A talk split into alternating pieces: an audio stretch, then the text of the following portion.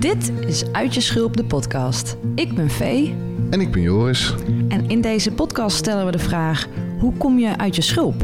Hoe ziet dat eruit? Wat is daarvoor nodig? Wat is een schulp eigenlijk? En waarom hebben we een schulp? We gaan met onze eigen kennis en de expertise van onze gastsprekers op zoek naar antwoorden. De thema's ontwikkeling, mentale gezondheid en connectie staan centraal in onze zoektocht. Deze podcast is zowel bedoeld voor mensen die zich pas net in zelfontwikkeling beginnen te verdiepen, als mensen die al meer bekend zijn met het onderwerp. Het is voor iedereen die zich soms een beetje vast voelt zitten, die graag wil groeien, die zich afvraagt waarom ze zijn zoals ze zijn en of dat ook anders kan en zo ja, hoe je dat doet. Pak een drankje en schuif lekker aan. Laten we beginnen. Dit is aflevering 4 in gesprek met Fedra Fidessa. In deze aflevering interviewt Joris mij, Fedra Fidessa, en hebben we het over mijn schulpmomenten, mijn ervaringen met depressie en wat ik de afgelopen tijd heb geleerd en gedaan. Het is een heel lang gesprek uh, met heel veel emoties. En ik hoop dat jullie aan het einde van de aflevering het gevoel hebben mij ietsjes beter te kennen. Heel veel luisterplezier. Welkom bij Uit je Schulp. Leuk dat jullie weer luisteren. Um, vandaag uh, doen we een uh, aflevering waarin je een van ons uh, wat beter gaat leren kennen. ik ga namelijk Vee interviewen. en dat zal zij ook ooit een keer bij mij gaan doen.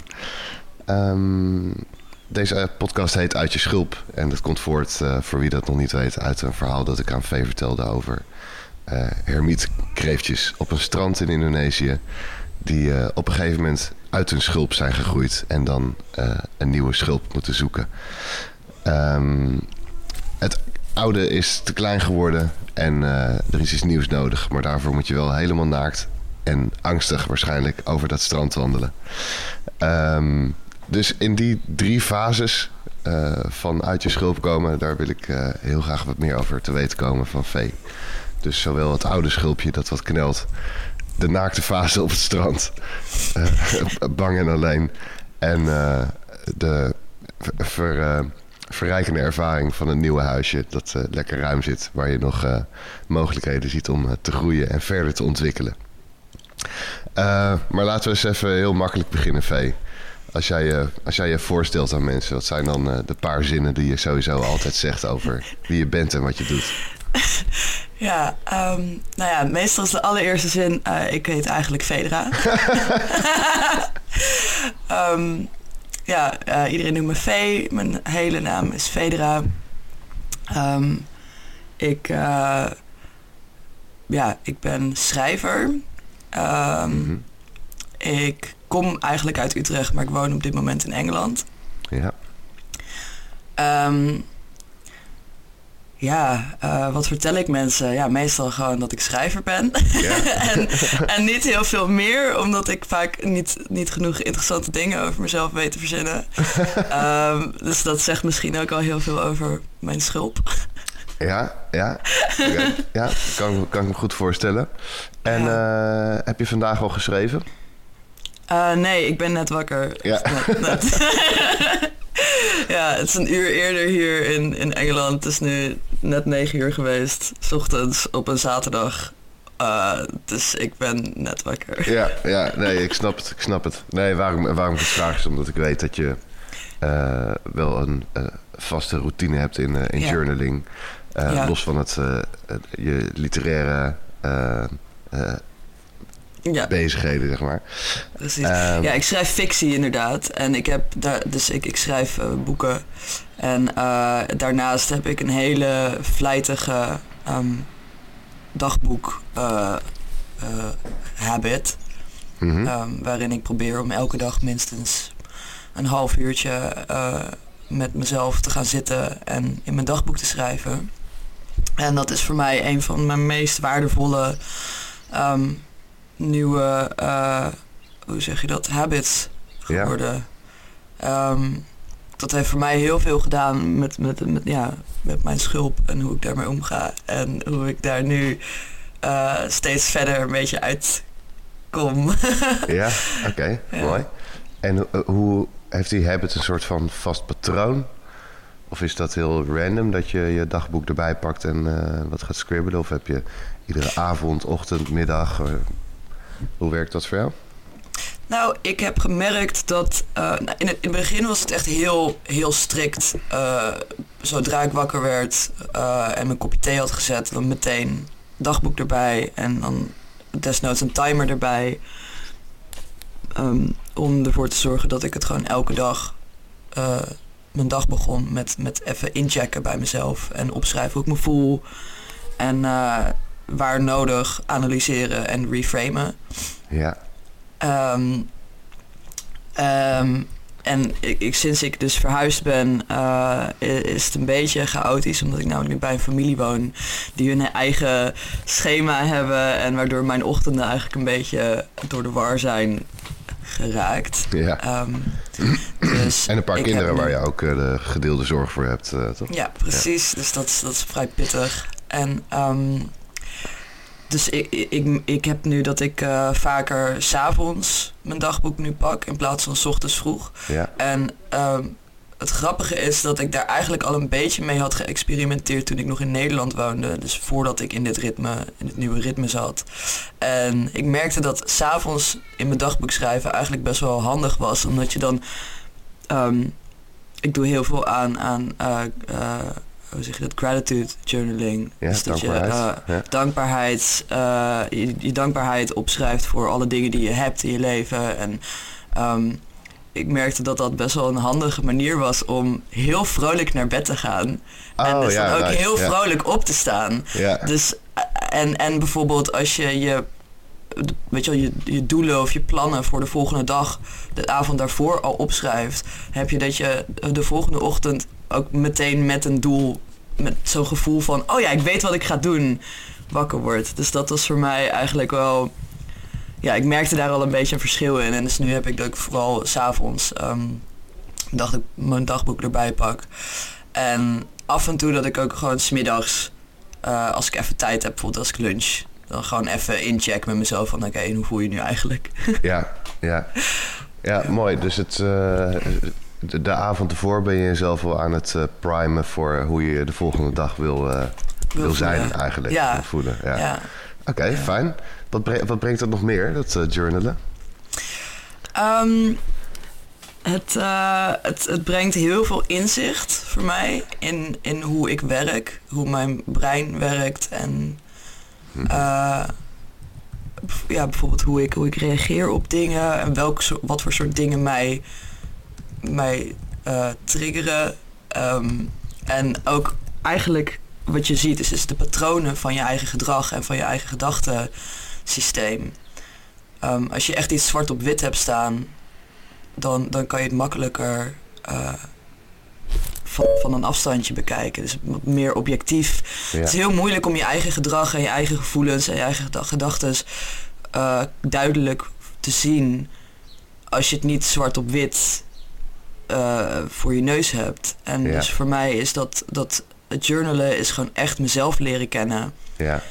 En, dus dat, dat, um, dat, klinkt bijna alsof je van jezelf een soort karakter maakt in een van je boeken.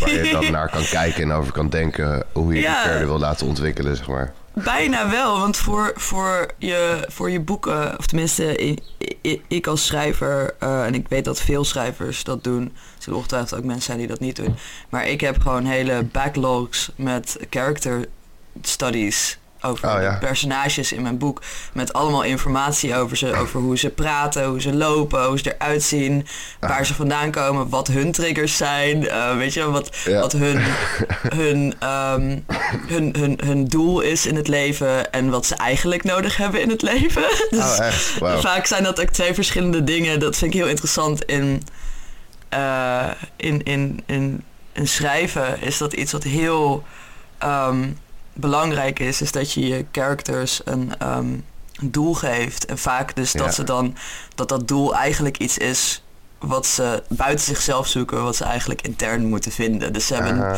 uh, ja. een need en een want. En Ja. ze gaan altijd eerst achter hun want aan om te ontdekken wat hun need is. Ah.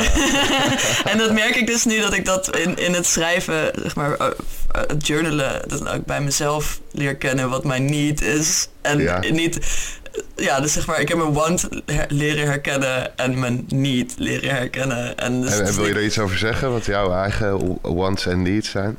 Nou, ik. Uh, mijn, mijn, mijn needs in elk geval, want ik vind mijn want een beetje silly om over te praten. mijn, want dat is uiteindelijk het ding waar je achteraan loopt de hele tijd. Van, oh, dat wil ik eigenlijk. En dat is, Nee, maar dat is niet goed voor je. Daar heb je niks aan. Dat is niet wat je echt nodig hebt. Ja. Ehm, en ik heb gemerkt dat voor mij heel belangrijk is, is uh, verbinding. Um, verbinding voelen, het gevoel hebben dat ik dat ik gezien word en ook dat ik zeg maar dat ja dat ik kan zien en dat ik gezien word als het ware. Voor mij is dat is dat een beetje wat verbinding is. Is op het moment dat jij ehm, met iemand anders die, die klik voelt van oh ja we zien elkaar we weten we, we, we, ja, we zien wie je bent en, en wat je echt bent in plaats van wat je zegt of wat je doet. Ja, ja. En dat is voor mij, is dat, ja, daar ben ik achter gekomen dat dat eigenlijk mijn meest belangrijke leidraad is in het leven. En dat op het moment dat ik dus geen verbinding voel, dat ik dan ook, ehm, ja, dat er dan nare dingen gebeuren met me. Ja. Ik kan zien en ik kan gezien worden. Ja. Ik had gisteren toevallig een, een idee voor een, voor een essay wat ik wil schrijven. En dat gaat over de in, ja, wat ik noem de heilige drie-eenheid. En dat is, je hebt persoon A, je hebt persoon B en dan heb je het ding wat hun verbindt en dat is aandacht. Oh, ah, mooi. Ja, ik denk bij de heilige drie-eenheid denk aan tijd, geld en kwaliteit.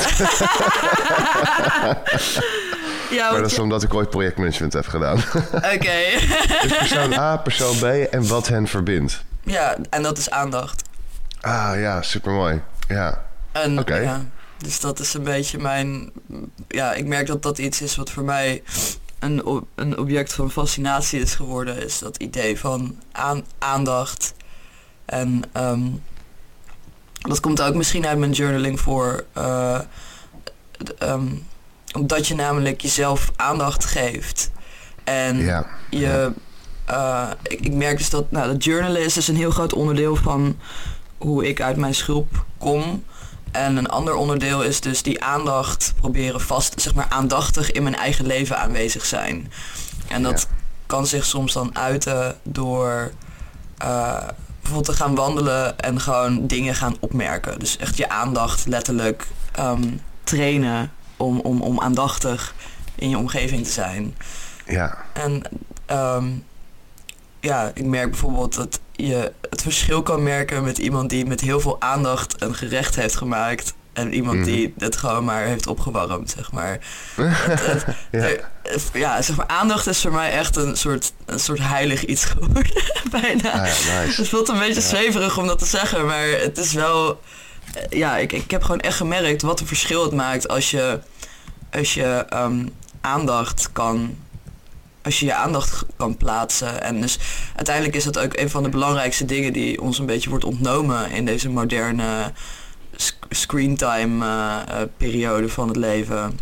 Ja. Is, is onze aandacht. Weet je, die gaat vaak naar van alles en nog wat. En dan hebben we moeite met onze aandacht op één ding plaatsen. En al helemaal onze aandacht op onszelf plaatsen, omdat we constant afgeleid worden. Ja, ja. ja. Ja, zeker. Ik snap hem helemaal. Ik uh, word me daar wel eens van bewust inderdaad als ik ook op straat fiets. Uh, en dat je automatisch naar al die billboards en zo aan het kijken bent. Mm. Omdat die gewoon zo zijn ontworpen dat ze je aandacht vragen. Ja. En dan zit je naar iets te kijken wat je echt helemaal niet wil zien eigenlijk. Want als je gewoon naar links kijkt, is er een hele mooie boom. Of een mooi mens, of wat dan ook. En dan zit je naar zo'n lelijke billboard kijken. Ja. Uh, ja, aandacht. Mooi. Ehm, laten we eens even naar, uh, naar schulpjes gaan. Ja. Uh, en wat was in jouw leven de laatste keer dat je merkte... Dit huisje zit klem. Ik, ik heb iets nieuws nodig. Ja. Um, ja, het is eigenlijk heel best wel recent, recent iets. Ja, twee, twee dingen misschien. Um, en het meest belangrijke is eigenlijk dat ik na ja, bijna, bijna vijf jaar heb besloten om mijn relatie te beëindigen. Mhm. Ehm, en dat was denk ik wel echt een, een van de grote schulpen waar ik uit ben geklommen in de afgelopen tijd. Ja. En uh, het was niet makkelijk. Uh, was ook niet een beslissing die heel... Ja, dat heeft gewoon echt lang geduurd voordat ik dat kon, kon beslissen.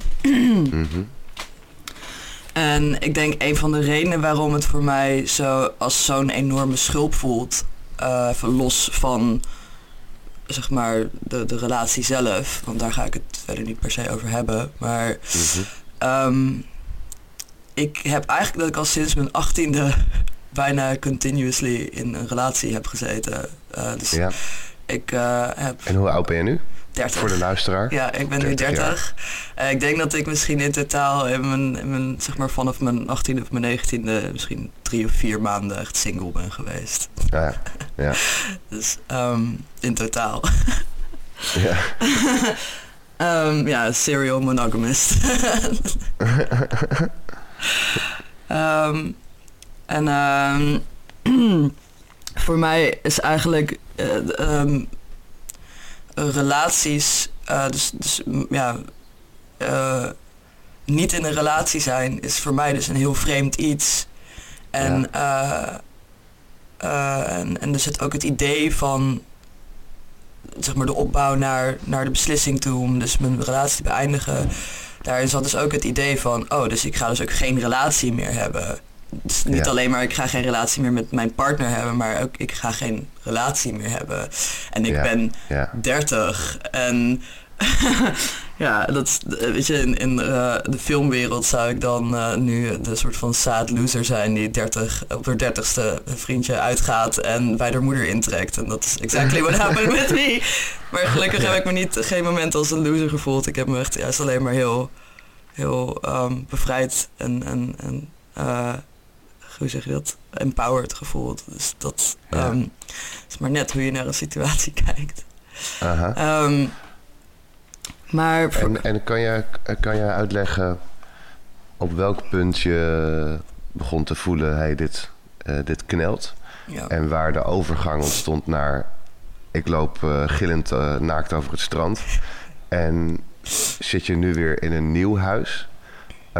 of ben je nog aan het rennen? Hmm. Um, ja, er, er was een moment waarop ik dat uh, het, het, voelde van het, het, het, uh, het knelt.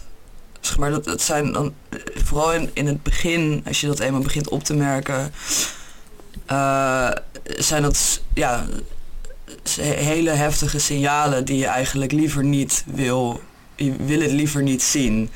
Um, want ja, je houdt van iemand en je wil eigenlijk ja, je, je, je, wil eigenlijk niet dat, weet je wel, van oh, ik hoop niet dat dit is wat ik denk dat het is. Dus laat ik er maar niet al te veel aandacht aan geven. En, en wat zijn die signalen voor jou? Is, is dat ook iets wat je nou, door aandacht hebt opgemerkt in je lichaam of in je denken? Of? Ja, bij mij was dat dan toch een gevoel van niet verbinding. Dus dat die, die verbinding missen ergens. Dus dat je, ja, je kan gewoon bijvoorbeeld naast iemand zitten of naast iemand liggen. En uh, en je hartstikke alleen voelen of hartstikke ongezien voelen of het gevoel hebben van ja, ik, ik, ik voel die verbinding niet op dit moment. En als mhm. dat voor mij uh, was dat, dat, ja, dat ik dat vaker op begon te merken. Um, en, en dus ook dat niet alleen dat ik mij bijvoorbeeld niet gezien voelde, maar ook dat ik het gevoel had van ik kan niet. Uh, ik, ik voel me. Ik heb niet het gevoel dat ik um, dat mijn communicatie ook, ook goed doorkomt. Of uh, dat, ik kan dat, ik, dat ik me kan uitdrukken zoals ik me wil uitdrukken. Of dat, dat, dat het aankomt. Dus, dat, dat, ja, dus de, de, er klopte iets niet in de verbinding. Uh, ja. En, en um, ja, en op een gegeven moment begon dat dus, dus vaker en langer uh, blijven, dat gevoel. En dat werd Mhm. op een gegeven moment een soort frustratie. En ik merkte dat ik het heel moeilijk vond om het daar ook heel open over te hebben. En dat was ook onderdeel van die van, van, dat, van dat stukje verbinding, verbinding. Dus ook het feit dat ik niet het gevoel had dat ik dat makkelijk kon bespreken. Ehm, en eh, ja, dat, er zit ook een stukje bij wat dus komt door mijn eigen schulp. En wat ik zeg ook over eh, dat hele ding van relaties. Ik heb vanaf een vrij ja, jonge leeftijd eh, eh, heb ik gewoon een soort complex ontwikkeld wat betreft mannen. En dat is dus dat Ja. ik met mensen, met mannen die ik in, in een romantische relatie heb, zeg maar, dus als ik een romantische relatie heb met een man, Mhm. dat ik op de een of andere manier dan mezelf helemaal verlies. En dus echt helemaal Ja. eh, op die man stort. Of dus op mijn partner stort, zeg maar. En ik denk dat dat komt omdat mijn ouders heel jong uit elkaar zijn gegaan. Mijn vader is zeg maar bij ons, die is dus verhuisd. eh, dus Ja. bij ons Ja. quote-unquote weggegaan. Ja, Eh, ja, althans, zo, weet je, op zo'n jonge leeftijd voelt dat dus alsof mijn vader bij mij weg is gegaan. Of mij, mij niet Ja, meer dat- wilde.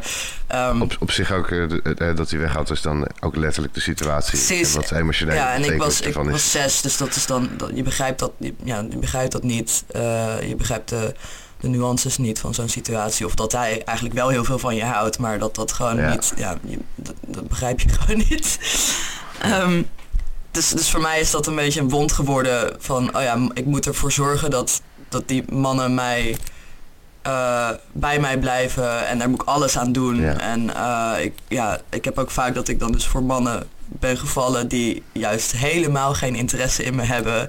Dus dat is ook zo'n soort typisch, typisch ding van dat Ja. je juist achter iemand aangaat eh, die, die dus ja, als het ware dat je geschiedenis probeert te, te herhalen. Van dat is eigenlijk wat je kent. Van oh ja, iemand die voor mijn gevoel eigenlijk mij niet interessant vindt. Ja. En dan hopen dat je ze kan overhalen om jou, dat, je ze, dat ze jou toch interessant vinden. Of jou toch aandacht geven of toch goed Ja. genoeg vinden. Terwijl ja, dat eigenlijk jij bent degene die jezelf niet goed genoeg vindt en die jezelf geen aandacht wil geven. Ja, dus dit, dit, dit klinkt heel erg als wat je eh, eerder vertelde over de wants en de needs. Ja, precies. Dus inderdaad, de, de Ja. want is van ik wil dat deze man mij, mij eh, eh, Mijn wond gaat helen. Ja, eigenlijk. precies. Ja. En, en eigenlijk ben jij de enige die, zeg maar, dus je, dat is je want en je need is eigenlijk dat jij ervoor gaat zorgen dat jij jezelf kiest. In plaats van dat je wil dat, dat iemand anders jou kiest.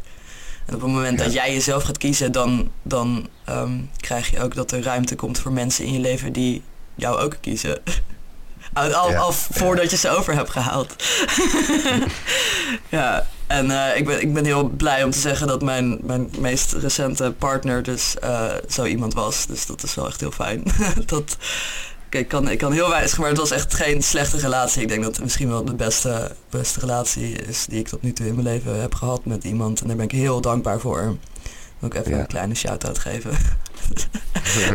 Want ik heb wel echt heel, ja, ik denk dat ik, dat ik eh, daar heel veel van heb geleerd. En ook wat hoe het is om met iemand te zijn die wel met jou wil zijn. En die is geen, waar je niet de hele tijd achteraan hoeft te lopen. En, en eh, houdt hij wel Ja. van me? En houdt hij wel genoeg van me? En ben ik nog wel goed genoeg? En ja, zeg maar, dat is echt nog nooit voor geen men, moment twijfel, in twijfel getrokken. Want ik wist altijd precies dat hij evenveel van mij hield als dat ik van hem hield.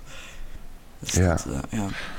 Maar goed, dus dat Fijn. zijn van die patronen Ja. die je dus als een jong kind eh, ja, opbouwt. En voor mij is dat dus onderdeel En- van en- mijn schulp. Ja, snap ik het dan dus goed dat je, ehm, dat je eigenlijk in relaties op zoek bent geweest naar iemand die voor jou die wond ging helen.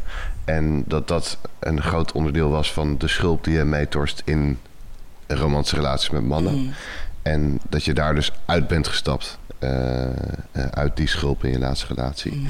En dat je dus eigenlijk het bent aangegaan om te zien... dit is mijn wond en ik moet daar iets mee. Ik moet mezelf daarin zien.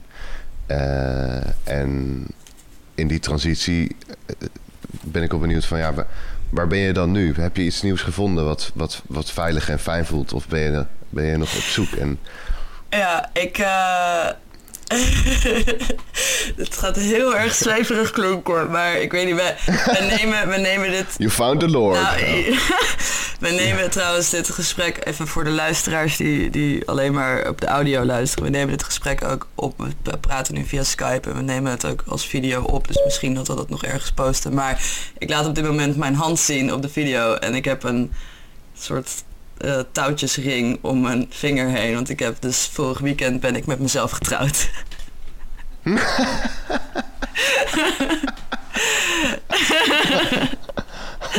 ja, het was een symbolisch uh, gebaar naar mezelf toe. Ik merkte dat ik dus in de nasleep van uh, dus het uitgaan van mijn relatie en, en alle emotionele dingen die daarbij komen kijken, um, dat ik uh, um, eigenlijk een beetje, ja, hoe zeg je dat?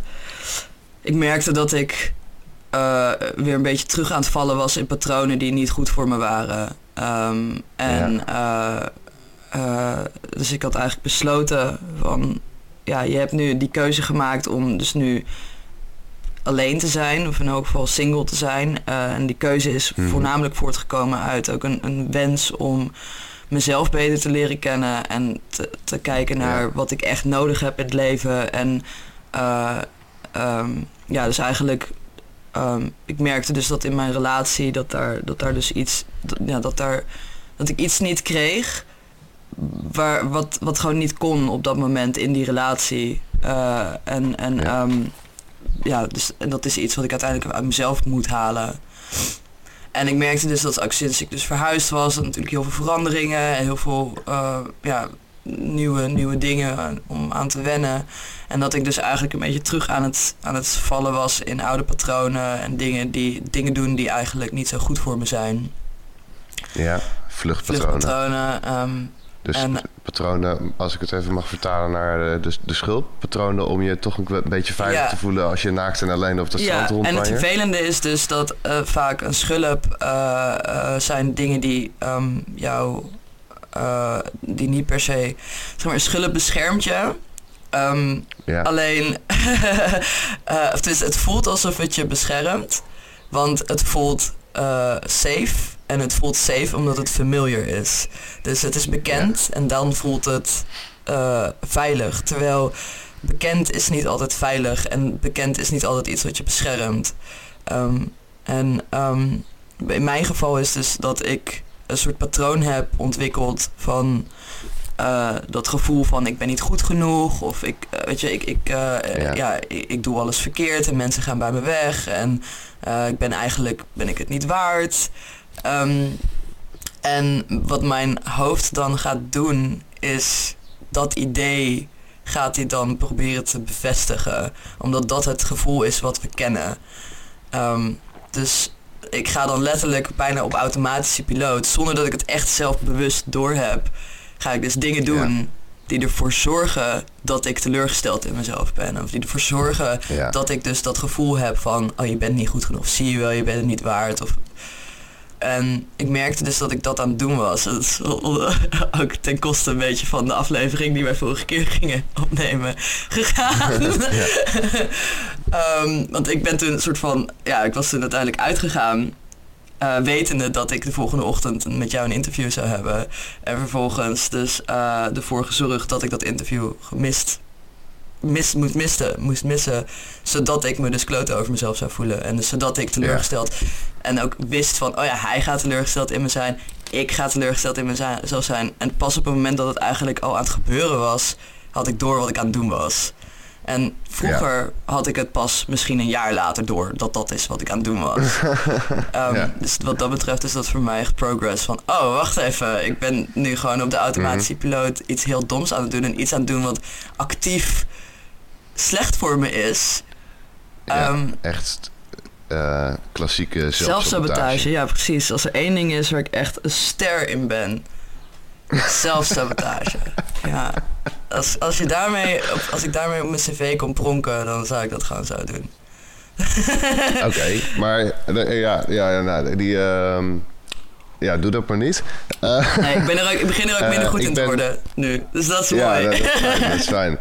Ja, waar, en waar ik benieuwd naar ben, is als jij de, de, de, de, de vows, de huwelijksgelofte ja.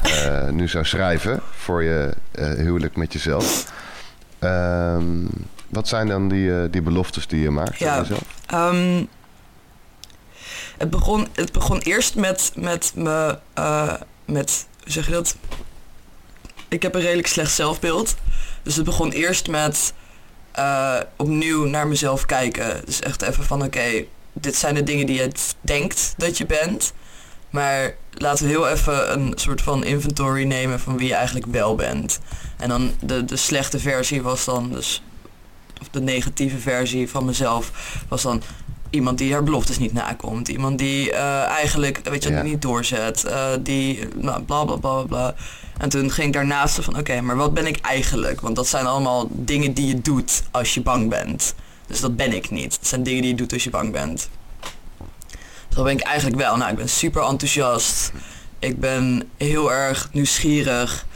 Uh, ik ben um, heel erg gepassioneerd. En, en ik kan echt heel veel liefde genereren. En, en echt van mensen houden. En um, en ja, uh, zeg je dat? Ik ben geïnteresseerd in dingen. uh, Dus ja, um, en dat, ja dus dat, daar ging ik dus een soort lijstje van afmaken van oké, wat, wat ben ik wel allemaal.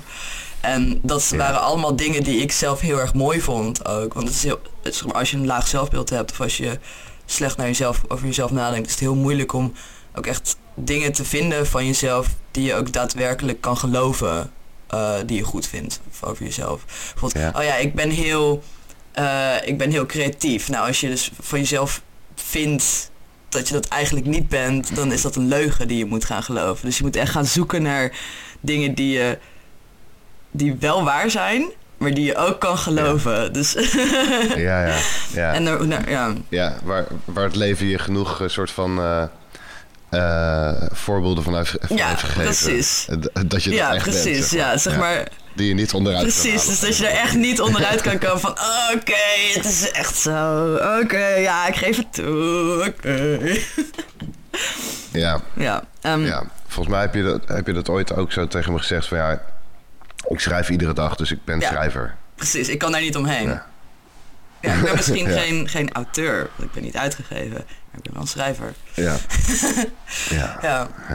Um, dus dat was het eerste gedeelte, zeg maar. Dus dat opnieuw, ja. opnieuw mezelf zien. Want dat is uiteindelijk dus... Dat, dat ding wat er misgaat, is, is dus die verbinding met mezelf uh, verdwijnt. En als ik verbonden ben met mezelf, dan... Um, dan is het makkelijker ook om mezelf echt te zien voor wie ik ben. En dus ook om mezelf te geven wat ik nodig heb. En toen ging ik dus kijken van oké, wat heb ik nodig? Nou, verbinding, dus ervoor zorgen dat ik met mezelf blijf inchecken. En ik merkte dus dat in die dagen die daar naartoe liepen, naar het moment dus dat ik uitging, terwijl ik eigenlijk niet beter thuis had kunnen blijven. Uh, Dat ik dus ook minder, zeg maar, dat had ik steeds maar vijf minuten in mijn dagboek geschreven op die dag, weet je wel. Of, een paar dagen zelfs niet in mijn dagboek ah, geschreven. Dus dan weet je al dat het ja, dat, dat ik niet helemaal in contact met mezelf stond. There's something brewing. ja, um, dus red flag. ja. Um, ja. En uh, dus ja, dus die verbinding met mezelf aan, aan uh, houden. Um, lieve dingen doen voor mezelf. Dus ook echt aan mezelf laten zien mm -hmm. dat ik het waard ben om, om, om lieve dingen ja. te krijgen. Of weet je, dat er iemand is zeg maar, als ik heel erg van iemand hou, dan ga ik altijd lieve dingen voor ze doen. Dus bijvoorbeeld, ja. uh, als ik weet dat ze een bepaald gerecht heel lekker vinden, dan ga ik dat voor ze koken. En dan maak ik dat heel uitgebreid. En dan maak ik er een heel ding van. En dan, um, of dan zorg ik ervoor dat ze, uh, weet ik veel, uh, lekker een avondje vrij kunnen hebben. En, en dan, dat het helemaal gezellig is. Of, nou, in elk geval, zulke soort dingen. Ja. En dat doe ik dus nu voor mezelf. Dus eigenlijk mezelf wat is het favoriete lieve ding Taart. voor jezelf doet? Taart. Maken of eten? Ja, of allebei? Sowieso, uiteindelijk eindigt het met eten. Maar ja, um, taart, ja taart. ja, taart. Ja, ja, ik heb zeg maar een aantal van die grote dingen. Eén is uh, taart. De tweede is echt een lekkere lange wandeling maken. En ik, ja, dat kan hier kan dat heel goed. Ja. Um, Ja. Je kan hier zomaar per ongeluk vier uur lang aan het wandelen zijn en dan zo, oh, misschien moet ik een keer naar huis. um, en uh, in bad gaan vind ik heel fijn. Dat is ook echt zo'n pampering dingetje. Um, dansen. Mm Dus dansmomentje inplannen met mezelf. Ja. Um, ja, uh, vast nog wel meer dingen. Maar dat zijn ook van mijn basic go-to lieve dingen die ik voor mezelf doe. Ja. In Engeland zit je ook niet slecht uh, wat taarten betreft, oh. volgens mij. Ik zie dat echt als... Uh, there's some good... Echt als een taartenland. Here, ja, ja, ja mijn, een van mijn lievelingstaarten is lemon drizzle. En dat is een Engelse, een Engelse taart. Dat is die. Oh ja, Oké, mooi. Ja, nee, ik moet even denken aan Heel Holland Bakt versus The Great British Bake Off. En dan bij heel een bakt, dus dat, dat is van knulligheid uh, aan één geregen. En bij de Great British Bake Off dan uh, zie je een soort van volmaakte patissiers bijna. Dat is I mean, ik had laatst dat ik, dat ik een beetje ja, dus niet, niet zo chill voelde. En toen uh, had ik, nou, we moesten vrij vroeg op de dag, zouden, gingen we ergens heen met dus de familie waar, waar ik bij woon en met hun kinderen. En die moesten ergens heen. En toen waren we bij een cafeetje en ik zag daar een uh, Victoria Sponge cake staan. En ik weet niet of jullie weten wat het is, maar het is zeg maar een super standaard Engelse taart. Gewoon zeg maar sponge, sponge cake, twee stukken taart en dan zo'n enorme laag cream ertussenin met jam. Oh ja, dat, ja, ja, en dat is, ja, het was echt een enorm, enorme ding. Dus je kreeg echt heel veel taart voor je geld. En, um, en toen was het, nou, oké, ik weet niet hoe laat het nu is, maar ik ga, ik ga nu ontbijten en ik ga taart ontbijten. Fuck wat, fuck wat de rest gaat doen. Ik ga dit doen. Nu, ik maak me niet uit of die kinderen dat zien of niet. Ik ga nu ontbijten en it's gonna be cake. ja, lekker. Sugar rush voor de rest van de wereld. Ja. Morgen. maar um, ja, dus lieve dingen doen voor mezelf uh, is, is onderdeel daarvan. En dus gewoon ook blijven... Op het moment dat ik dus merk van... Oh ja, je bent, je bent aan het afdwalen. Dus zeg maar, je begint weer... Uh, in een negatief gedachtepatroon te vallen over jezelf. Dan ik haat, ik haat sieraden. Dus daarom, ik, dit is voor mij echt een big deal. Want ik voel het de hele tijd. Ik ben heel erg gevoelig. Dus ik voel oh het de hele tijd. Dus elke keer als ik dan oh ja, oh ja, ik moet even lief voor mezelf zijn. Of, oh ja, even denken aan jezelf. Je made a commitment. Dus je moet goed voor jezelf zorgen. Ja. Dus, het, is een, ja, het is een fysieke uh, herinnering aan, aan dat ik goed voor mezelf moet zorgen en van mezelf moet houden. Ja, ja. Wat fijn. Mm. Ja. En um, als ik dus uh, even dit verhaal zo langs ga in mijn hoofd nu, dan hoor ik dat je bent tegengekomen. Uh, ik zit klem doordat je uh, bent gaan opmerken dat je je langer niet verbonden voelt, dat steeds langere periodes niet verbonden voelde in de relatie. Uh, en dat je dat ook hebt gekoppeld aan een patroon in je leven waarin je een relatie gebruikte als instrument om een oude wond ja. te helen. Uh, dat je de beslissing hebt genomen om uh, die wond zelf te gaan uh, uh, aangaan eigenlijk. en dat je dat letterlijk heeft gebracht naar een punt dat je met jezelf bent klinkt getrouwd. zo boe nee, het klinkt heel fijn. Het klinkt echt serieus heel ja. fijn. En um, omdat, ja, wat is nou een, een fijner mens om mee te zijn dan een mens die uh, helemaal content is met zichzelf? Ja, Weet je wel, ik wil niet op een, op een arrogante of narcistische manier, maar gewoon uh, in het reinen zijn met jezelf. Is zo'n fijne, fijne mm. ervaring. En heb je een soort ritueel uitgevoerd? Los van het maken van de ja, touwtjes ik heb wat, dat... wat heb je gedaan? Ik heb, je, je hebt dingen opgeschreven, nou, hoorde ik al. Dat, ja, sorry, er huilt een, een kind heel ja, hard. Dat is, mm. dat is het leven. Het leven met uh, drie kleine kinderen in de achtergrond. Um, ja. Ja, ik heb eigenlijk... Um, het, ja, het is echt een soort van... Op zijn typisch op zijn vee... Uh, super niet ceremonieel gegaan. Dus het was eigenlijk van... ik had een soort van bedacht van... Oké, ik, um, ik, ik, wil, ik wil weer... Zeg maar, het ging een beetje van tussen, tussen dingen door. Ik wil eigenlijk weer ik moet beter voor mezelf zorgen. Ik moet eigenlijk gewoon weer ervoor zorgen dat ik de focus op mezelf leg en mezelf ga geven wat ik nodig heb. Eigenlijk zou ik een soort geheugensteuntje moeten hebben. En toen was van, oh, wat nou als ik gewoon een ring maak? Uh, want ik had, ik had een stukje touw in mijn zak gevonden. En toen was van, oh, dit past eigenlijk wel om mijn vinger. Hé, hey, wat nou als ik hier een ring van maak? En toen heb ik dus wat... Oké, okay, het is sound disgusting, maar een beetje, zeg maar, ik had toevallig mijn haar geknipt. Ja. Eerder uh, in, de, in de een paar weken geleden. En ik had uh, het stukje haar, um, of dat stukje wat ik af, af, af had geknipt, toevallig um, gehouden, zeg maar, als een soort van, weet ik veel, memento of zo. Weet ik veel wat ik ermee wilde doen. Something weird waarschijnlijk. Gewoon een soort seriemoordenaar dingetje. Ik wil, ik wil eerder zeggen, like a proud hoarder mom. Weet je wel, zoiets. ja. Zo'n zo moeder die dan elk klein dingetje van haar kind uh, uh, bewaart. Ja. Uh, Kijk, dit is, dit is de eerste snotje.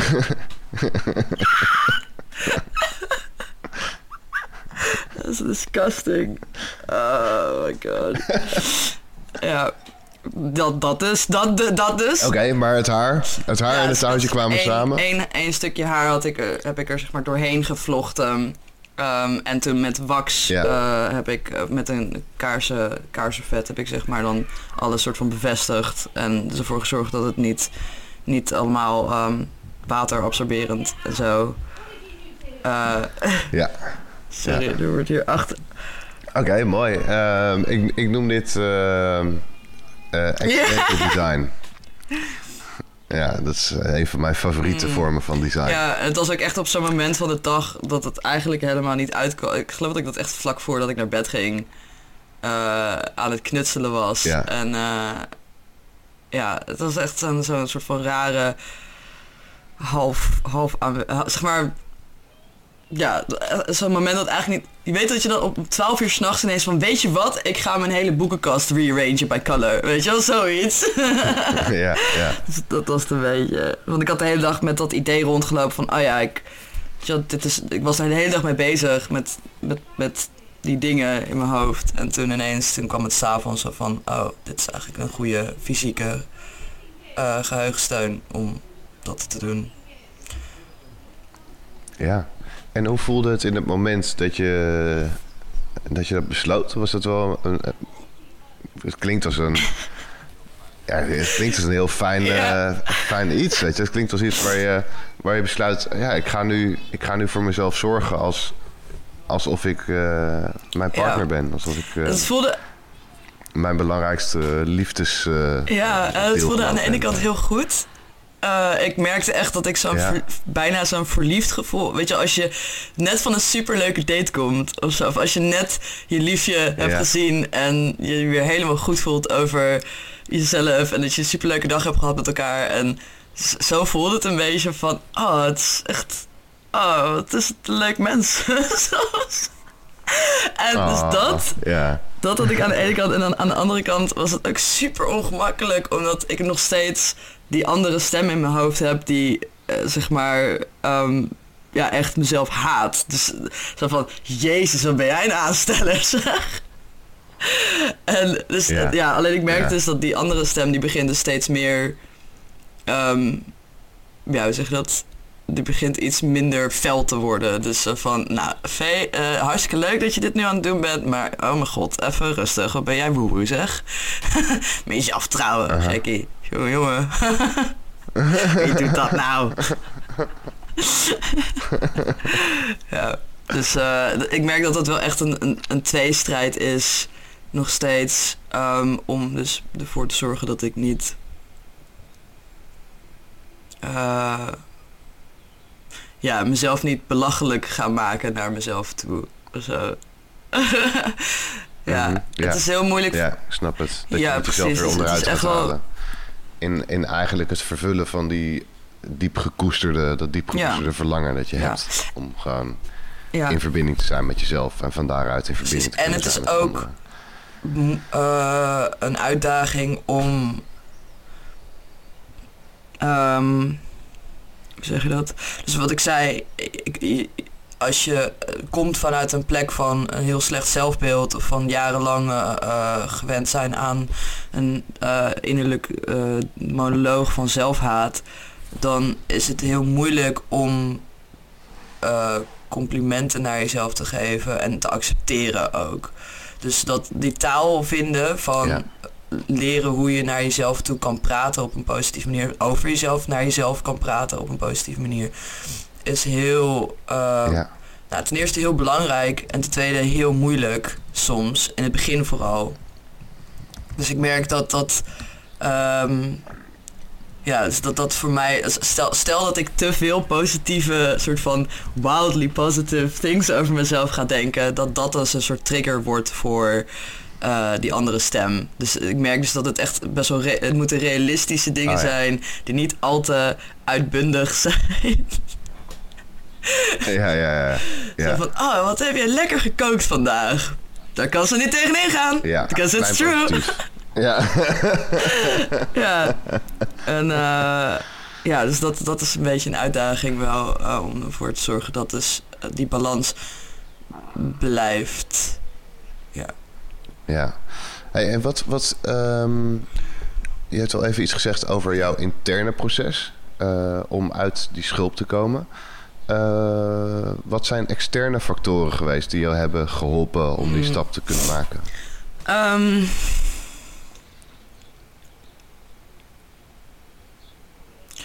ja, uh, um,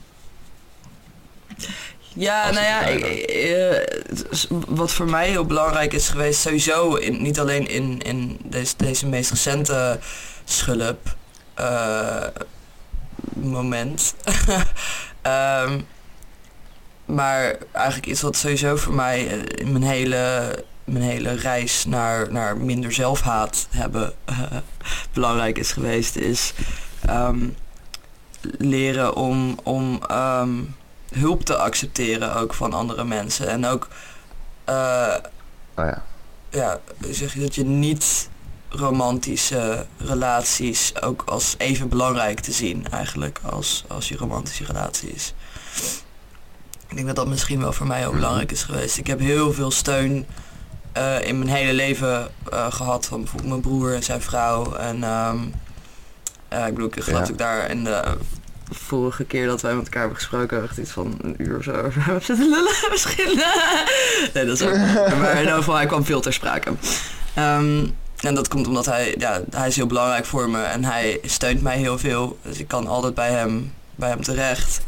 En ik heb uh, een aantal ja. hele goede vrienden en vriendinnen die, waar ik um, ook altijd terecht bij kan. En dat is denk ik wel voor mij mm het meest belangrijke geweest. Is, zelfs al heb je maar één iemand in je leven, uh, weet je wel, uh, vraag ze om hulp. En vraag ze om, om er voor je te zijn. en...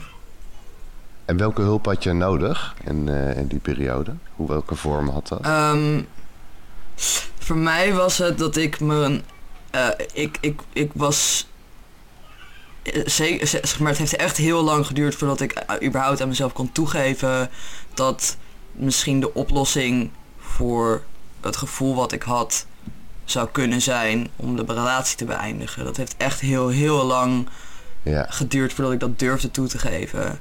En um, uh -huh.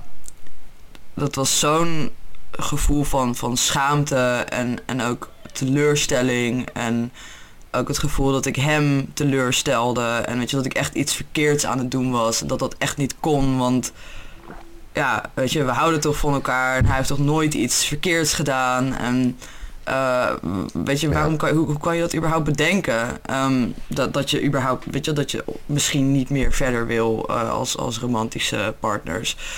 Dus dat, dat was iets wat ik heel, heel moeilijk vond. Maar um, uh, uh, ik heb dus ja, met, met uh, mijn beste vriendin in elk geval, dat en ik hoe, daar hoe, gewoon wel hoe, mee, ja. mee over heb kunnen praten. En, en ja. ja. hoe zeg je dat? Dus dat gevoel heb kunnen delen wat ik had. Wat ik dus niet, mm -hmm. wat ik echt ja. niet oké okay vond. En dus wat ik ja, echt heel moeilijk vond. En eigenlijk wat dat iets was wat ik met hem had moeten bespreken.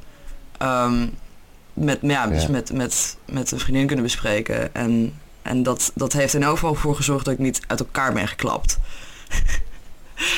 dat, ja, dus de hulp die je nodig had was uh, iemand die jouw gevoel van schaamte kon normaliseren. Ja, die zonder, door gewoon zonder te oordeel. luisteren naar jouw verhaal en te accepteren hoe jouw uh, standpunt daarin was. Hoe jouw gevoel daarin was. Ja, die gewoon kan zeggen van... hé, hey, uh, het is oké, ik, uh, ik wil naar je luisteren. en wat je tegen me zegt, dat... Ja, gewoon zonder oordeel... Um, ja. daar naar luisteren. Ja, het, weet je, achteraf gezien, dan, weet je, je, je bepaalt dan soms zo van... had ik dit maar gedaan of had ik dat maar gedaan. En waar ik het meest van baal is dus dat uh, het voor mij zo moeilijk was om, om dat gevoel dus met hem te bespreken. Lang voordat, voordat ik dus. Uh, ja, lang voordat ik dus um, uiteindelijk de beslissing heb genomen. Dus daar, dat is de één ding waar ik me dus niet, ja. niet goed over voel. Maar dat is blijkbaar iets wat ik gewoon niet kon. Ja. Ook. Um, ja. Ja. Ja, en dat is dus een ding in mijn, in mijn, in mijn patroon van hoe ik met mannen omga. Is dus dat ik uh, daar banger ben voor oordeel dan bijvoorbeeld. Of, of banger ben van dat ik. Ja, misschien. Mm, voor mijn grenzen. Mijn grenzen moet. Ja, zeg maar. Ja, dat ik mijn grenzen aangeef. Of dus mijn. mijn negatieve gevoelens in een relatie niet durf te laten zien. Omdat ik bang ben dus dat dat ervoor zorgt dat de relatie, dat, je, dat die bij me weggaat. Ja, dat je wond weer open gaat. Dus dat, dat, dat, dat gevoel van, uh, ja, ik moet, er, ik moet er kosten wat kost voor zorgen dat die bij me blijft. Ja. En vanuit de plek waar je nu bent, hoe denk jij dat dit nu veranderd is? Stel dat je er eens een keer in je leven een relatie aangaat. Hoeveel maanden ben je nu niet in een relatie? Uh, even kijken hoor. Want je begon over vier maanden tussen ja, je 18 zoiets, en give, and, give and take, zeg maar. Ja, zoiets. Vier, vier maanden ongeveer, denk ik. Ja. Um, ja, even kijken. We zijn nu in april aan het leven. Dat is eind, mm -hmm. Eind december uitgegaan. Dus je hebt het verdubbeld. Hoe, hoeveel maanden is dat? Ik weet het niet. Vier maanden. Vier maanden. Oh, ja. ja. Verdubbeld. Uh, ja, weet je. Ja. Maar mijn vraag was... Um, vanuit waar je nu bent met jezelf... Uh, heb jij het idee en het vertrouwen... Uh, dat jij dus in een volgende relatie die ongetwijfeld ooit gaat komen, uh, dit wel een plek durft te geven? Omdat je meer in het reinen bent met jezelf. Ja, ik denk het wel. Ik denk ook dat mijn idee van wat een relatie voor mij, wat een, wat een goede relatie voor mij zou inhouden, veranderd is. Um,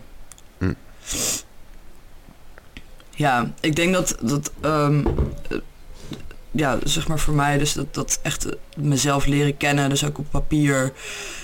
Um, en en um, uh, ja, dus analyseren wat mijn patronen zijn en wat eigenlijk mijn eigen mijn wants en mijn needs zijn. Uh, dat dat ervoor gezorgd heeft dat ik eigenlijk ook ben gaan ontdekken wat ik eigenlijk uit een relatie wil halen. En ook hoe ik ben in een relatie. En bijvoorbeeld uh, iets wat ik. waar ik moeite mee heb, is vaak dat um, relaties uh, een soort van prepackaged deal zijn in onze samenleving. Zo van: oké, je hebt een relatie met iemand, dus dat betekent dat je monogaam bent. Wat betekent dat? Nou, dat weten we eigenlijk niet heel goed, want voor iedereen is, is vreemdgaan is anders voor iedereen. Maar op de een of andere manier denken we allemaal dat we hetzelfde idee daarover hebben. Um, weet je, er zijn heel veel onuitgesproken uh, assumptions en, en, en, um, en regels of zo En dan als je eenmaal in een relatie zit, dan kom je er eens achter dat je eigenlijk allebei hele andere voor, hoe zeg dat, uh, uh, ideeën en, en regels hebt. Van, oh ja, voor mij betekent dat dit en voor mij betekent dat dat. Um, en ik merk dus dat die, dus die parameters van wat een relatie voor mij is en wat ik eruit wil halen, wat ik erin wil stoppen, dat dat dus voor mij eigenlijk veranderd is. Uh, omdat, ik, omdat ik meer hmm. ja, bewust ben nu van wat ik eigenlijk wil. En, en wie ik ben ook een beetje. Ja. En wat zijn de belangrijkste dingen die nou, Het belangrijkste ding is dus voor mij verbinding. Ik wil verbinding voelen. Ik wil dus ook het gevoel hebben dat ik dit is meteen een oproep, hè, natuurlijk. Ja, uh, ja ik bedoel, alle mensen die geïnteresseerd zijn, ik bedoel, mogen ook vrouwen zijn als ze daar zin in hebben. Ik wil best een keer op een date met, uh, met een vrouw gaan, maar... Ja. Um, ja, ik ben niet zozeer geïnteresseerd, niet zozeer geïnteresseerd in, um, Verbinding. in een genitalia, maar personen. Ja. Dus dat is ook een ding waar ik, dat, ja, dat, dat ik toch ook voor mezelf belangrijk vind, dat ik, waar ik achter ben gekomen van ja, mij kan het eigenlijk uh, niet zo heel veel schelen. Weet je wel, wat, wat, voor fysieke vorm iemand heeft, maar meer wat voor persoon ze zijn. Dat vind ik toch iets belangrijker. Ja. En um, uh, ja, dus me gezien voelen en dus ook het gevoel, dus het gevoel hebben dat ik 100% mezelf kan zijn. Dus dat, er geen, dat ik me niet ja. anders voor hoef te doen om, die om met die persoon te kunnen zijn. En um, dat is voor mij ook tegelijkertijd ook een uitdaging, omdat ik dus in het verleden uh, dat vaak, ja, dus dat ik me extra, extra goed ging proberen te gedragen om, om die relatie, zeg maar, te kunnen bewerkstelligen. Of om dus die, die aandacht van die man of die persoon dan te krijgen. Ja. Uh, dus dat is één ding. Dus ik wil gewoon helemaal mezelf kunnen zijn. En uh, dat is ook mijn eigen leven kunnen hebben. Um, ik ben een beetje mm -hmm. uh, tegen dat hele idee van... Oh ja, we zijn, als we samen zijn, één entiteit. Want dat vind ik raar. Ja. Dat ben je niet. Je bent altijd twee verschillende -hmm. entiteiten die samen iets doen... Maar je bent niet één, één persoon met één, één soort van doel en één... Uh, ja, niet. en dat is wederom ook weer een uitdaging, want dat is ook iets wat ik in het verleden wel heb gedaan. Mezelf helemaal, zeg maar, uh, ja, uh, gekluisterd aan mijn partner. En dus een soort van... Ja. Ja, of nou van mijn eigen needs opzij zetten voor, voor de needs of the relationship, zeg maar. En um, ja. ja. Dus dat zijn twee, ja, twee dingen die wel veranderd zijn. Um, ja, off the top of my head vind ik het heel moeilijk om niet te zeggen. maar maar um, ja, dus, dus gewoon nee, letterlijk kijk, kijken naar uh, in plaats van uh, oké, okay, wat, ja, wat, wat is er mogelijk in plaats van uh, oh ja, ik ga ervan uit dat ik weet wat ik nodig hebben, maar gewoon echt even afgaan van oké, is dit echt wat ik wil? Is dit echt wat ik, uh, ja, bijvoorbeeld, is, is het zo dat ik, dat ik de rest van mijn leven verwacht om altijd met één, met één en dezelfde partner te zijn? Uh, bijvoorbeeld van oké, als ik iemand vind, is het dan de bedoeling dat ik daar dan de rest, weet je, de komende 40 jaar mee samen ben? Of is dat echt wat ik wil ook? Of is mm -hmm. dat, weet je wel, zijn mensen, ja. zijn, zijn relaties ook dingen die in fases kunnen komen. Dus dat je de ene fase van je leven met één iemand doorbrengt en de volgende fase van je leven met iemand anders doorbrengt. Dat zijn allemaal van die dingen, like I'm, I'm questioning mm -hmm. everything. wil ik dat echt? Ja. Nou, waarom zou ik dat willen? nou goed. Ja, voor nu is het ook dat ik heel veel dingen nog heel erg open in de lucht zijn. En dat ik eigenlijk gewoon zoiets heb van ja, ik, uh, ik ben nu nog te veel bezig met gewoon mezelf leren kennen. Om nu echt te gaan denken over wat ik precies uit een relatie zou willen. Um, ja, op dit moment ben ik gewoon heel erg happy, happy single. Dus uh, ja. happy single, happy single getrouwd met jezelf. That's it. Oké, okay, mooi. Hey, en um, toen ik even vroeg, uh, wat, wat is de, de laatste keer dat jij uh, een schulpje tegenkwam en dat je eruit bent gestapt? Toen zei hij, dat zijn eigenlijk twee vrij recente dingen. Ehm, wat was die tweede? Ja, die tweede is dus ehm, iets meer complex. En dat gaat dus eigenlijk over... ehm, ja, dus niet alleen die relatie met, met andere mensen, maar dus met mezelf. Eh, en eh, ik, eh, nou goed, ik zit al een poosje in therapie. Ik, nou, ik- ondertussen na dit gesprek zullen mensen wel gemerkt hebben, maar ik heb dus laag zelfbeeld, een geschiedenis van zelfhaat. Ik heb een depressieve stoornis en ik heb ADHD. eh, die pas op mijn 29ste, 29ste vastgesteld is. Ehm, dus ik heb een heel Mhm. interessante eh, mentaal, mentaal landschap. to, say, to, say, to Mhm. say the very least. Interessant, mooie woordkeus. Ja? Ehm, en eh, eh, ik heb, eh, nou, dus ik zit in therapie en ik heb dat ik voor het eerst in mijn leven ook medicatie heb, heb voorgeschreven gekregen en dus dat ook ja, ben aangegaan. En Ja. ja, we zijn nu langzaam aan het denken aan. ehm, dus ten eerste zijn we nu de medicatie aan het afbouwen, wat een enorme beslissing was. En Mhm. nu is dus ook eh, Ja. ja. Dat ik waarschijnlijk op den duur ergens dit jaar ga stoppen met therapie. Wat dus ook een enorm, enorme schulp is en een enorm ding is. En iets wat ik echt, ja, nog steeds best wel spannend vind. Ook om aan te denken. Het, het is nog niet aan het gebeuren. Ik bedoel, ik zit nog gewoon Ja. in therapie. En het- ja, alleen het idee alleen al van... dat- ja, ik durf het misschien nu aan in mijn eentje. Alleen al het ik durf het misschien aan... Ja. is, ja, is echt een Ja. enorme schulpmoment, zeg maar. Dat is echt... eh Ja. mijn angst is dat ik terugval. Ja. Dat ik eh, Ja. drie keer zo hard terug ga vallen. En dat ik En gewoon... eh, Kan je, kan, je iets, kan je iets zeggen over wat dat is vanuit je Ja, eerdere ervaring? om heel erg.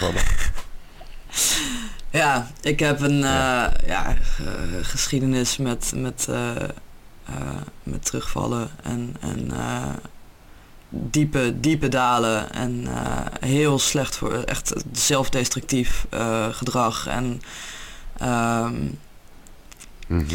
ja, dat zijn echt dingen die ik nooit meer wil. dus ik moet ook echt bijna huilen nu. Ja. Ik kan er helemaal aan denken. Ja. Ehm, Ja. ja, het was een hele slechte tijd. Ja. En het idee dus dat ik het nu in mijn eentje zou kunnen, is heel spannend. En aan de ene kant heel beangstigend. Maar ja. Ja. ook echt gewoon een moment van heel trots zijn. Van dat ik überhaupt dat idee heb van ik zou het alleen kunnen. Ja. Wat zeg je? tranen nu. Ah. Wat zeggen jouw tranen nu? Ik denk dat het ook een beetje gewoon verdriet is voor eh, wat ik mezelf allemaal heb aangedaan. En eh, ja, het is gewoon moeilijk Ja. om over na te denken soms. Maar uiteindelijk is het ook zo dat je. ehm, je leert ook heel veel van de dingen die je pijn hebben gedaan. Dus ik denk dat ik niet, Mhm. niet hier als Ja. deze V zou zitten als ik niet ook eh, dat had meegemaakt. Zeg maar. Die versie van mezelf had meegemaakt. Mhm. Ja. Ja. Dus. Ja, lekker nou, ik was niet van plan om te huilen vandaag. ja, ik ben trouwens... nee, ja, ik bedoel, ik ben een vrij... eh, ik, ik schaam me niet voor huilen of zo. Ik huil best wel vaak. maar, eh, dus voor onze luisteraars, dit is niet een, een vreemd iets dat Joris en ik met elkaar praten. Echt een eh, prettige eigenschap. Om je niet te schamen voor. eh, ja, voor en ik, ik gevoel, hou wel vaker bij jou, dus eh, dat, eh, is op zich ook wel prima. Ja, precies. Ja, wij, en huilen, huilen met elkaar. dat kan gewoon. Find yourself friends that you can Ja. cry with. Ja. Uh, zeker. Uh, hele, hele, en huil ook. Geef jezelf ook af en toe gewoon permissie om um, te ehm. huilen, want het is gewoon ook nodig, fysiek. Net als niezen. Ja. ja. Net als niezen en plassen. Niezen en pissen. ja. Hey, um, niezen en pissen. Wat... Ik snap de angst. En wat um, stemt je hoopvol? Um, ja, mijn, um, mijn uh, vangnet toch wel. Want zelfs als ik... Ja. Zelfs op het moment dat ik bijvoorbeeld nooit meer mijn dagboek zou aanraken... wat ik hoop dat ik niet zal doen. Want dat is wel echt iets wat, wat er echt voor zorgt dat ik on top of myself blijf. Maar stel dat ik dat dus niet zou, niet zou doen, dan, dan mijn, mijn vangnet, mijn, mijn, mijn, mijn vrienden en familie die er voor mij zijn, um, ja, die hebben mij ook door die extreme donkere uh, periodes heen ge, gesteund. En als ik, als ik hun in mijn leven heb, dan weet ik dat ik uh, nooit alleen hoef te zijn. En dus ook dat ik nooit. Hm. Ik kan altijd ergens aankloppen, zeg maar. En ik weet dat, ik bedoel, het is echt zo'n ja. zo'n ding van ja, je hebt gewoon een aantal, een aantal mensen heb ik in mijn leven waarvan ik weet dat ik ze om vier uur s'nachts kan bellen uh, en dat ze dan meteen voor mijn deur zouden staan als ik daarom vroeg. En dat zijn, uh, dat, ja. ja. dat is, dat is voor mij gewoon echt heel belangrijk. Om, om, om ook niet alleen om, om door te zetten, ook een beetje. Want het voelt ook een beetje alsof het dan, zeg maar. Je doet het natuurlijk voor jezelf, maar je, hebt natuurlijk, je merkt natuurlijk ook van.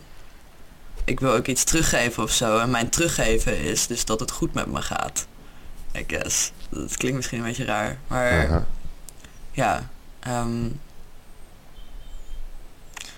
ja, dus dat. En dus dat, ja, dus, en het tweede ding is dus journalen. Gewoon, dat, dat, is voor mij echt wel ook belangrijk. Ja, ja. Ja, en dat vind ik, um, hoe jij het omschreef net, is... Mm. Ja, het is een beetje paradoxaal. het alleen aangaan. Nou ja, en, maar ik, ik vind dat, ik, ik hoor dat heel veel, uh, ook in mijn uh, werk als coach. Uh, dat mensen vinden dat ze het alleen moeten kunnen. En, uh, en ik hoor je inderdaad ook gelukkig zeggen, ja, wat stemt je hoopvol? Mijn vangnet. Ja, dus ja met alleen had ik het echt specifiek over, dus niet met een therapeut. Dus dat, dat, want je doet het. Ja. Eén ding waar ik echt achter ben gekomen is: je doet het nooit. Je kan het niet alleen. En dat is denk ik ook een van de grootste dingen waar ik tegenaan ben gelopen voordat het zeg maar in de periode dat het zo slecht met me ging, of in de periodes dat het, dat het echt slecht met me ging, waren altijd ook de periodes waarin ik mezelf afsloot van andere mensen. Ik denk dat als er één ding is wat ik echt geleerd heb in de afgelopen tien jaar, dan is het um, involve people in your life. Zelfs als je, als je denkt dat, dat ze niet meer van je gaan houden, of als je dat, dat, weet je, dat je schaamte gaat super lekker op uh, stilte. Dus als jij, als jij bijvoorbeeld nou, een, een symptoom van, van depressie is dus eh, een chronische schaamte. En um, schaamte wordt vaak, zeg maar, het verschil tussen schaamte en schuldgevoel is schuldgevoel is ik heb iets verkeerd gedaan en schaamte is ik ben verkeerd. Ja. ja. En een van de dingen die voor mij heel belangrijk was, is dus dat ik op een gegeven moment ben begonnen met delen wat ik aan het doen was. Dus ook hoe slecht ik voor mezelf aan het zorgen was. En dus uh, hardop aan iemand heb opgebiecht van... dit is wat ik aan het doen ben, dit is wat er aan de hand is. En dat in plaats van... Um, in plaats van dat zij meteen helemaal bezorgd van... oh, uh, weet je, je moet naar de dokter of je moet naar een rehab of weet ik like, dat ze ineens soort van allemaal oordelen of, of, of oplossingen gaan zoeken. Gewoon van, hé, wat kut voor je. Weet je, van, hé, wat, wat naar dat, dat, dat, dit, dat, dat je dit moet, dat je dat moet doen. om, om door het leven te komen. En ja, zo van, wil je, wil je bij me mhm. zitten? Uh, weet je, in plaats van dat doen. Dan heb je, weet je, als je, als je dat wil, kan je bij mij thuis komen, film komen kijken, in plaats van dat je dat moet doen. Uh, En, en zo, mm zo langzaam maar zeker is dus dat vertrouwen bij mij opgebouwd van weten dat er liefde voor mij is in de wereld. En dus dat dat vangnet er voor mij is. Ja, ja. En dus ook leren vertrouwen dat, dat, zij ook echt, dat ze het ook echt menen. Ja. En ja. Uh, wat was de vraag? Mooi. nou, we hadden het over. Um, het begon met uh, wat stemtje hoopvol. En toen ging ik over op het idee van het alleen moeten doen. Ehm, en wat ik daar nog over wilde zeggen, ook gewoon voor iedereen die luistert. Uh, wat echt een van onze hoogste doelen met deze podcast maken, is dat we een community creëren waarin mensen dus supportive zijn. Precies op de manier die Vee nu omschrijft eigenlijk. Maar het kan ook echt nog eenvoudiger. Dus weet je van jezelf. Bijvoorbeeld journaling is iets wat voor mijn gezondheid of vreugde of liefde voor mezelf zo belangrijk is. Zoek iemand die jou accountable houdt. Weet je wel? Die dat net zo leuk en net zo belangrijk vindt bijvoorbeeld. En uh, waarvan je gewoon weet van dan gaan we elkaar iedere dag even een appje sturen. Uh, yes, net gejournald. Weet je wel, dat hoeft maar drie seconden te duren. Maar dat ook dat je weet, als ik dat appje een keer niet krijg, ga ik die persoon even bellen. Uh, dus dat soort eenvoudige dingen die je ja.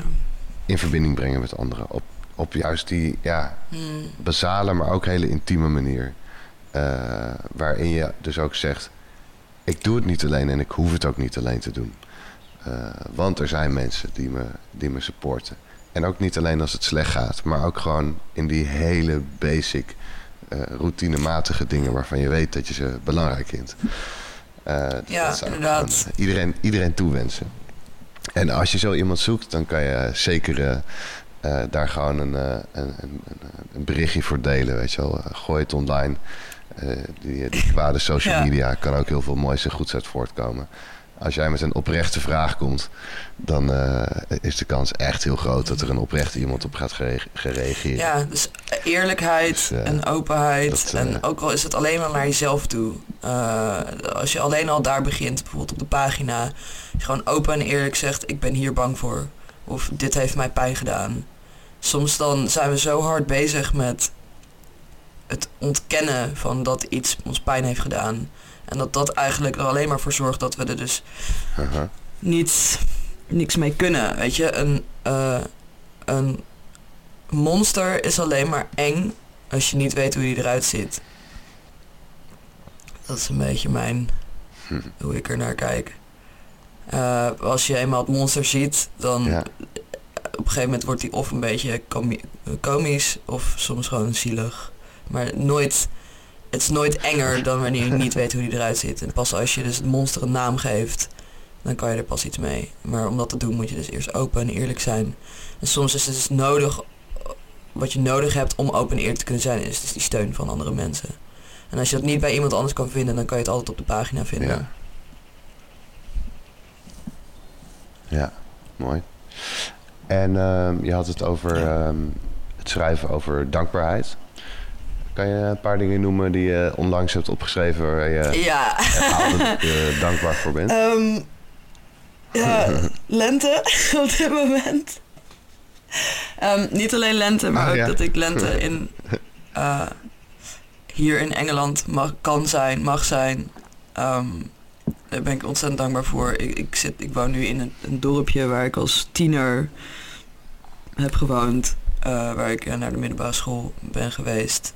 Uh, dus ik, het is een, dorp waar ik zelf geschiedenis heb en waar ik veel mee heb. Um, en uiteindelijk dus de beslissing om hier weer terug te komen was heel simpel. uh, ik, ja, ik merkte gewoon echt dat ik het miste. En ik ben nu zo dankbaar dat ik... Um, ja, dus het klinkt heel stom, maar er staat voor mijn raam zit een boom waar constant allemaal koolmeesjes in zitten. En die zijn Mhm. gewoon echt de hele... like, ze zitten zo dicht van mijn raam vandaan. Ah, ja. Dat is echt- En het feit dat ik dus mijn raam Ja. open kan doen en lente kan ruiken en die koolmeesjes kan, kan horen Mhm. en dat ik eh, weet dat als ik vijf minuten aan het lopen ben vanaf ons huis, dat ik dan in het bos ben. Dat zijn echt dingen waar ik heel dankbaar ben, voor ben op dit Mhm. moment. Ik ben ook heel dankbaar Ja. voor mijn eigen inzet.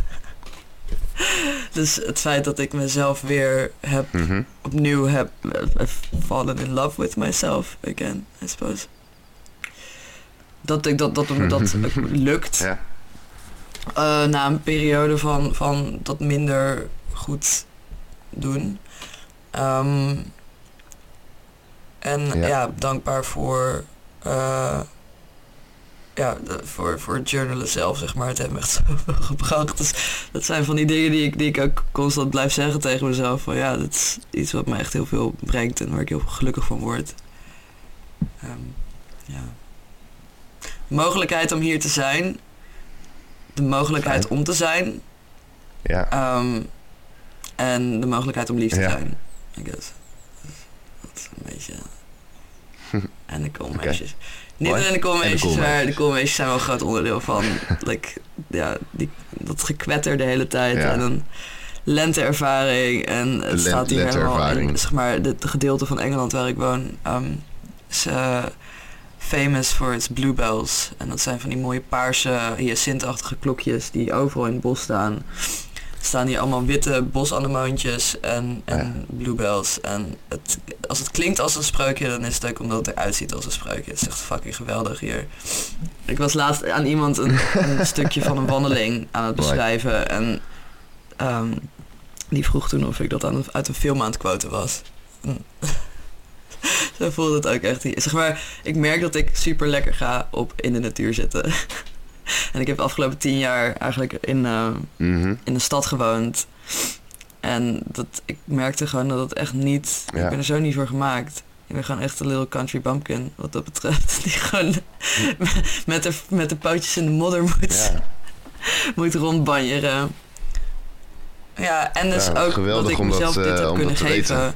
Van jezelf. A, dat ik het heb toe kunnen geven aan mezelf van dit is wat ik wil. En niet alleen wat ik nodig, ja, niet alleen wat ik wil, maar ook wat ik nodig heb. Want dat had natuurlijk ook zou kunnen zijn dat dit misschien alleen maar Ja, een ja. want was, hier zijn. Maar ik merk dat ik het echt, echt niet. ja. Ja, snap hem. Het, even, Oké. oh, het gaat niet Ehm, over jou. Wat is het beste advies dat je ooit hebt gehad, Vee? Het gaat niet over jou. By far, beste, beste advies dat ik ooit heb gehad, gaat niet over jou. Ehm, en de reden waarom dat zo'n goed advies is, is... ehm, dus ja, wederom als je depressief bent of eh, als je eh, schaamte ervaart... ehm, dan kan je zoveel tijd en zoveel van je zelfbeeld laten beïnvloeden... door wat jij denkt dat andere mensen van jou denken... En weet je, dat je de volgende ochtend, dat je mee uit uit Ja. geweest en de volgende ochtend dat je de rest van de dag wakker, zeg maar echt gewoon in paniek zit bijna van... Oh, dat zullen mensen wel niet gedacht hebben. Oh, jezus, heb je dat echt gezegd? Oh, mijn god, oh, just gooi jezelf weg alsjeblieft. Oh, en dus dan gaat de shame spiral gaat dan aan van, oh ja, je mag hier niet zijn, je hebt hier niks te zoeken, bla bla bla, bla. En ehm Ja. Ja. ja, eh, op een gegeven moment heeft iemand gewoon tegen me gezegd van... Ja, maar Vee, je weet toch dat ehm, het mensen eigenlijk helemaal niet zo kan schelen. Iedereen is heel druk met zichzelf bezig en nobody actually cares. Eh, het gaat niet over jou, weet je. Ja. Het is ook niet alleen... Ja. eh, Van wie, weet je nog van wie dat advies ja, ik was? denk het wel. Ja. ja. Ja. Eh, ik denk dat, dat, Iemand dat, die je wil bedanken ook wel weet wie, wie ze zijn. Dus eh, thank- thanks for that. Ehm, Oké. het heeft even geduurd voordat het echt door is gedrongen bij me, maar het is, het is bij me gebleven.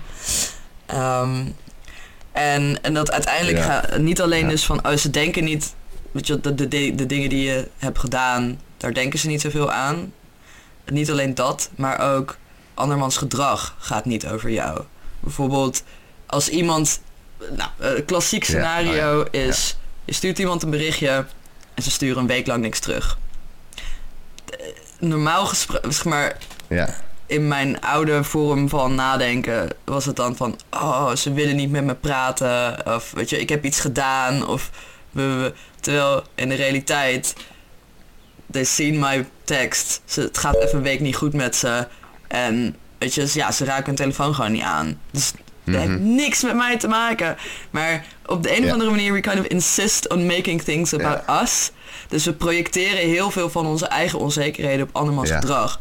Dus bijvoorbeeld, ja, als iemand, uh, mm weet ik veel, um, uh, ongemakkelijk tegen jou doet in een gesprek. Of onaardig tegen jou doet in een gesprek.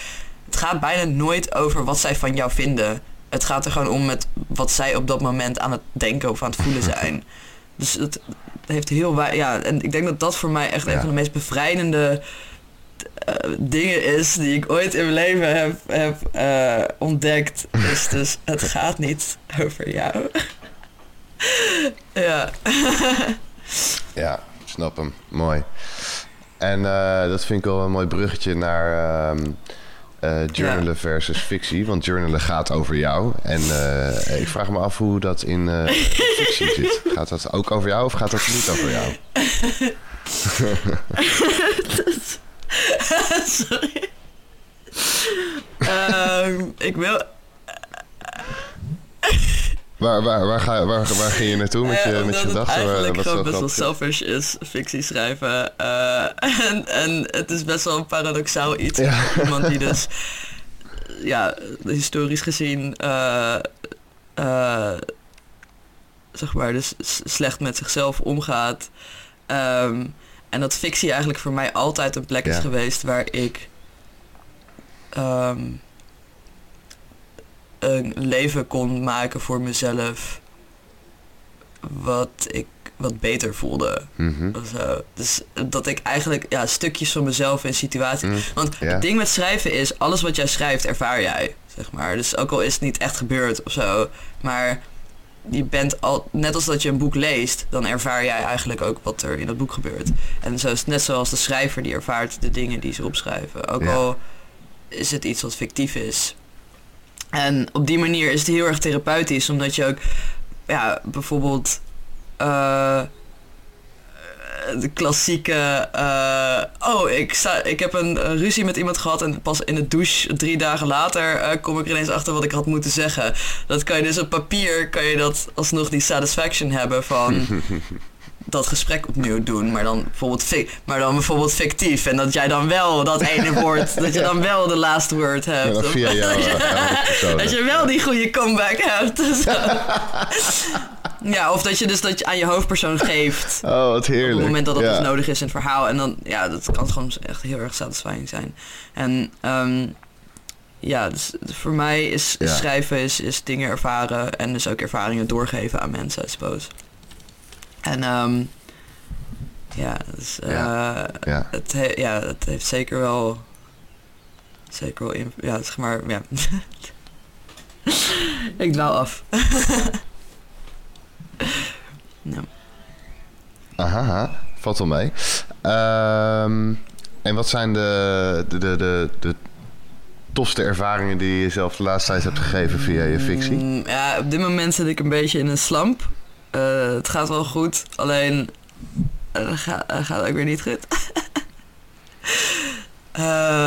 ja, ik ben, ik ben heel veel aan het, hoe zeg je dat, editen zo. Dus op dit moment niet per se heel veel nieuwe dingen. Maar er is één scène ja. die ik heel vet vind. Waar ik ook heel erg Fuck jou. Oké, lees maar voor. um, uh, die ik heel vet vind en uh, die ik dus... Um, waar ik nog niet tevreden mee ben, ook. Which is why I'm not reading it to you. Um, en... Uh, mm -hmm. Maar ja. waar ik dus wel nu meer ideeën over heb van hoe ik het vetter kan maken. En ik ben gewoon heel erg excited for people to finally read the final piece. Maar also I'm excited to write the thing. Dus het is, ja, het is zo'n, echt zo'n, zo'n ding, zeg maar... Uh, je legt het, je bent eraan aan het tinkeren en aan het werken en een beetje mee bezig. En dan leg je het weer weg.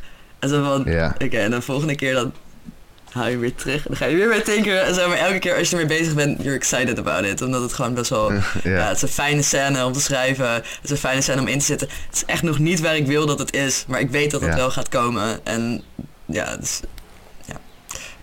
dat. En er is een, een, een ehm, Oké, gaaf. Dus dat klinkt dan bijna, wat je omschreef net als ja, soms ehm, drie dagen later onder de douche na een, eh, een confrontatie of wat dan ook, dan eh, kom je achter wat je had willen zeggen. Dus dit klinkt als een ervaring die je nog Die soort van moet doorleven om het te kunnen opschrijven. Ja, eh, dat en er is Oh ja. één Ja. ding waar ik ook wel heel blij mee was. En dat is dat ik een hele fijne, voor mijn gevoel fijne soort van openingsparagraaf heb gevonden. Iets wat werkt als zeg maar echt de opening van mijn, van mijn verhaal. Plus, ik heb ook geloof ik de climax van mijn verhaal eindelijk een beetje eh, uitgeschreven. Dus dat zijn, ja, dat zijn in- leuke dingen. En de climax is heel dramatisch. En eh, dat, ik bedoel, dat is eh, de definitie van climax meestal. Maar ehm, ja, en het was a lot of fun to write. Eh, er kwamen ook heel veel dingen naar boven wa- waarvan ik dacht, oh wacht, dat had ik nog niet echt, had ik nog niet aan gedacht. En dat is leuk. Hier kunnen we wat mee. ja, Cool. Ja. ja, ik ook. Ja, ik ben eh, fucking benieuwd naar het boek. Dus ehm, werk maar lekker door. Ehm, en ehm, eh, we gaan eh, iedereen eh, die eh, hier naar luistert via, de, via onze Instagram. Ja, ik bedoel, sowieso kan je via mijn Dus, eigen Instagram-account een beetje meekijken hoe ik leef en schrijf en mijn dingen doe. Ja, at Fedra Fidessa. Mijn naam is heel moeilijk, dus je ziet hem als het goed is in, de, in onze mooie logo ge- gespeld staan, denk ik. E A-E-D-R-A. Ja, Fedra is met P-H-A-E Ja, en dan Fidessa met een eh, dubbele S volgens mij. accountnaam. Dus daar kan je mijn gedoetjes vinden, mocht je daar zin in hebben. Ja. ja, Oké. ehm, wat zijn nog dingen die we hebben, die we hebben gemist die je graag had willen, had willen vertellen in dit eh, gesprek? Ja, ja, ja, redelijk tevreden eigenlijk. Ja, ik weet het niet. You tell me. Ja, ja fijn. Ja. ja. Nee, ik... eh, ik, ik, eh, ik ja, ik, ben blij dat we, voelde- dat we deze hebben opgenomen. Eh, het voelde... ja. Ja, het voelde vloeiend. En eh, energiek, vrolijk. ja, En, letterlijk. eh, met een lach en een traan. Hmm, Eh, ehm, dus ik ben, eh, ja, ik ben blij. ik. Dit is een, eh, een heel fijn begin van de zaterdag. Ja, Eh, en Ja. de zon schijnt buiten. En ik heb ook enorm zeker. Wat, zin om de, wat om ga de vandaag tegemoet te gaan hierna. Ja, nou, los van En naar het ondertussen een gaan, klein beetje om naar het doen voor te jezelf als lief iets? Want ik wil graag ook iedereen die naar deze aflevering heeft geluisterd aanmoedigen. Wat is één lief ding wat je voor jezelf kan doen vandaag? En ga, ga dat doen. Ga nadenken over wat, wat lieve dingen zijn voor jezelf. Wat je graag, als je, als je jezelf zou gaan romancen, wat zou je dan aan jezelf geven? En wat is één van die dingen die je kan doen vandaag? Dus ik ga, ik ga mezelf zo meteen ehm, naar buiten toe brengen. Ja, ik ga eerst ja. even heel luxurious onder de douche. Echt heel lang. En, en dan ga ik eh, eh, naar buiten toe. En ik ga waarschijnlijk naar het volgende dorp proberen te lopen. Dus dat gaat wel een paar uur duren. En daar heb ik zin in. Ja. Ja. Taart eten? Misschien, maar probably. Presumably, ja. Usually. Presumably. Usually antwoord cake. Nee, ja, ik... ik voor mij eh, zeker hetzelfde. Ik ga eh, zometeen eh, eerst... in mijn beleving ga ik heel lang plassen, maar dat duurt gewoon eh, vijf seconden, zoals altijd. Eh douchen heb ik al gedaan. Eh, en dan ga ik meteen naar buiten. En als het lukt, ga ik Merle meenemen. Het is echt heerlijk. heerlijk Dat is fantastisch, dit, ja. ja. Het is gewoon een prachtige dag. Lang weekend, ook, toch? En dan gaan we lang weekend. En vanavond gaan we heerlijk uit eten. Ja. Dat is ook zeker iets... Treat yourself. Heel liefs. Leuk. Ja, dus daar heb ik ook enorm zin in. Mm. Gewoon fijn. Ik fijn, ook. Fijn weekendje samen met mijn lieve En uh, ja, top. Um, ja, dankjewel voor, deze, voor dit interview. Super fijn spreken. Uh, ik, ik voel me heel erg dankbaar voor jouw aanwezigheid in mijn leven. En uh, ik voel me uh, ik ook. heel I'm really happy right now. op dit moment. Ja, voor de, voor de luisteraars ook. Onze Instagram-account waar je dus met ons kan praten. Is uh, uit je schulp de podcast. Mocht, je, mocht iets in dit verhaal... Uh, wat er vandaag verteld is, uh, je geraakt hebben of iets losgemaakt hebben, deel het met ons. We horen het graag. Ja, zeker. En uh, heb je die vraag om een accountability partner voor iets in je leven, een van jouw fijne routines die je uh, uh, wil opbouwen of behouden, gooi dat ook daar gewoon in. er gaat sowieso iemand op reageren waar je iets aan kan hebben. Ehm, bedankt voor, voor het luisteren. deze kleine anderhalf uur. En uh, we hopen jullie uh, snel weer allemaal te zien, horen, spreken. Uh, jullie opmerkingen en vragen te zien. En wij doen snel weer een opname. Yes. En de volgende keer is het. Fijne zaterdag. Ja, fijn, fijne dag. Het zal waarschijnlijk geen zaterdag zijn op het moment dat dit uitkomt. Maar fijne, fijne dag, iedereen.